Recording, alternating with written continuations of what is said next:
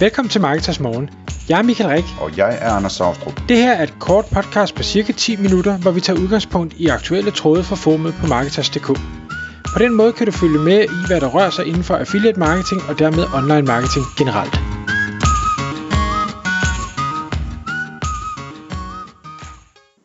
Godmorgen Michael. Godmorgen Anders. I dag i Marketers Morgen podcasten, der har du taget et emne med, som jeg synes er super, super spændende. Fordi vi skal snakke om en øh, alternativ øh, investeringsstrategi, øh, mulighed, som, øh, som handler om kunstinvestering. Og øh, i bund og grund så handler det om, hvordan du og jeg, vi øh, med vores øh, begrænsede midler kan komme til at øh, eje en, en Picasso eller en øh, Van Gogh eller et eller andet. Øh, og, øh, og det synes jeg er super, super spændende. Hvis der var en ting her i verden, jeg er relativt sikker på, der, der aldrig nogensinde falder i værdi, så er det sådan en Picasso der. Så øh, fortæl os om, øh, hvad du har fundet, Michael. Ja, det er, og jeg skal lige sige, at øh, en af de gode ting, jeg synes, jeg har gjort, jeg ved godt, der er mange, der, der øh, synes, at, at øh, måden LinkedIn bliver brugt på af mange, er, er øh, for meget, at, at man ligesom hyper sig selv i forhold til, hvad man er og hvad man kan. Øh, og der er også nogen, der har kommenteret på, jamen Michael, hvorfor skriver du, at du er investor i din øh, titel? Altså jeg skriver, jeg er CEO, og jeg er investor, jeg kan ikke huske, hvad den tredje ting er. Og det gør jeg ganske Det gør jeg også. Det er meget sjovt. Og jeg gør det, det bevidst. også godt for mig. Præcis, fordi ja. så får man henvendelser fra nogen, der har nogle sjove idéer, man får også alle mulige tåbelige henvendelser, men indimellem dukker der noget op, hvor jeg tænker, det er del med spændende det her, det vil jeg gerne dykke mere ned i. Og en af de ting, jeg støtte på, det er noget, der hedder masterworks.com. Masterworks er helt øh, overordnet set nogen, der har opsat en investeringsfond, en investeringsmulighed, hvor man kan købe sig ind i for et øh, valgfrit beløb. Ja, det kan godt være, at de har et minimumsbeløb, men det er ikke noget specielt højt beløb. Så kan man købe sig ind og sige, at jeg vil gerne lægge 5.000 dollar, eller et eller andet den stil, øh, og jeg vil gerne være med til at købe den her øh, Van Gogh, eller Monet, eller øh, Salvador Dali, eller hvad det nu måtte være for et billede, Banksy-billeder, og så er der så et hav af kunstnere, som jeg overhovedet ikke ved noget som helst om.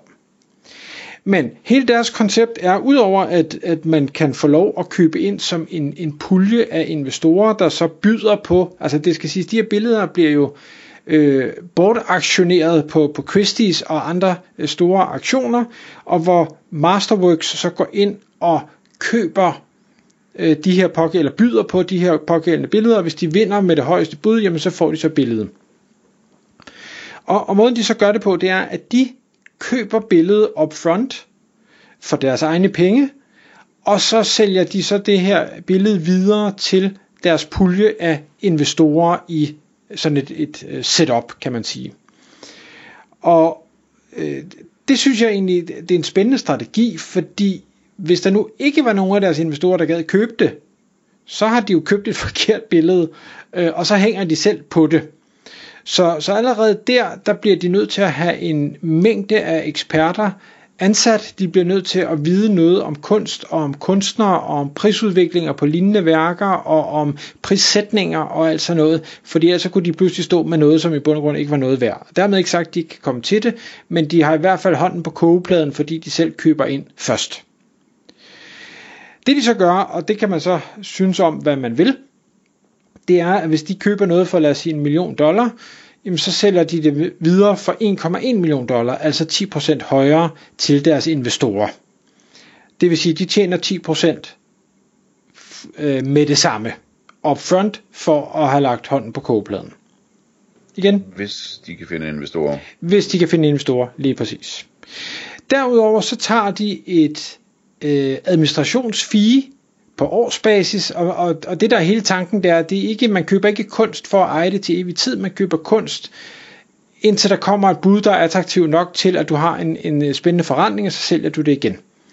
Og det, det er alt fra øh, de her cases, hvor de har solgt det videre på 40 dage, til cases, hvor de har ejet dem i 7 år. Så det er et eller andet sted mellem 40 dage og 7 år. jeg havde sådan en snak med dem, og, og det var svært at sige, fordi det afhænger af rigtig mange faktorer, og kommer der lige en køber, og bliver den, altså dør den her kunstner i mellemtiden, så springer værdien jo, eller oftest øh, hvad hedder det, meget øh, højt, fordi ja, de, en, en pris er, når de er nulevende, men, men prisen er ofte øh, højere, når de så dør, fordi så kan de ikke producere flere værker. Øh, så tager de den her årlige kommission, og så tager de yderligere et øh, fee, mener jeg, på bagkant af salget, som er en eller anden størrelse. Jeg kan ikke huske, hvor meget det er. Men det hele er beskrevet meget, øh, meget godt ind på det her Masterworks.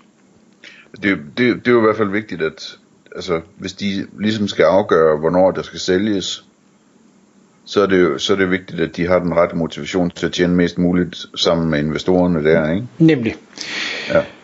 Og de har de her forskellige cases inde på hjemmesiden. Jeg sad selvfølgelig og kiggede lidt øh, rundt på dem og kender overhovedet ikke nogen af kunstnerne, og, og synes i bund og grund, at de fleste af de her kunstværker, de er forfærdeligt grimme, og jeg vil aldrig nogensinde have dem hængende hjemme hos mig selv, men, men altså, for, for mig er det, er det heller ikke, synes jeg, det er pænt eller flot, eller kender jeg kunstneren, der vil det være, kunne det give mening at prøve at investere i det? Og øh, Masterworks gør det jo rigtig klogt, synes jeg ved, at man sammenligner med S&P 500 aktieindekset, som jo kunne være en anden, et andet sted at placere sine penge, og der outperformer kunst, hvis både generelt, men, men i særdeleshed også det, de får købt ind øh, med en faktor mange.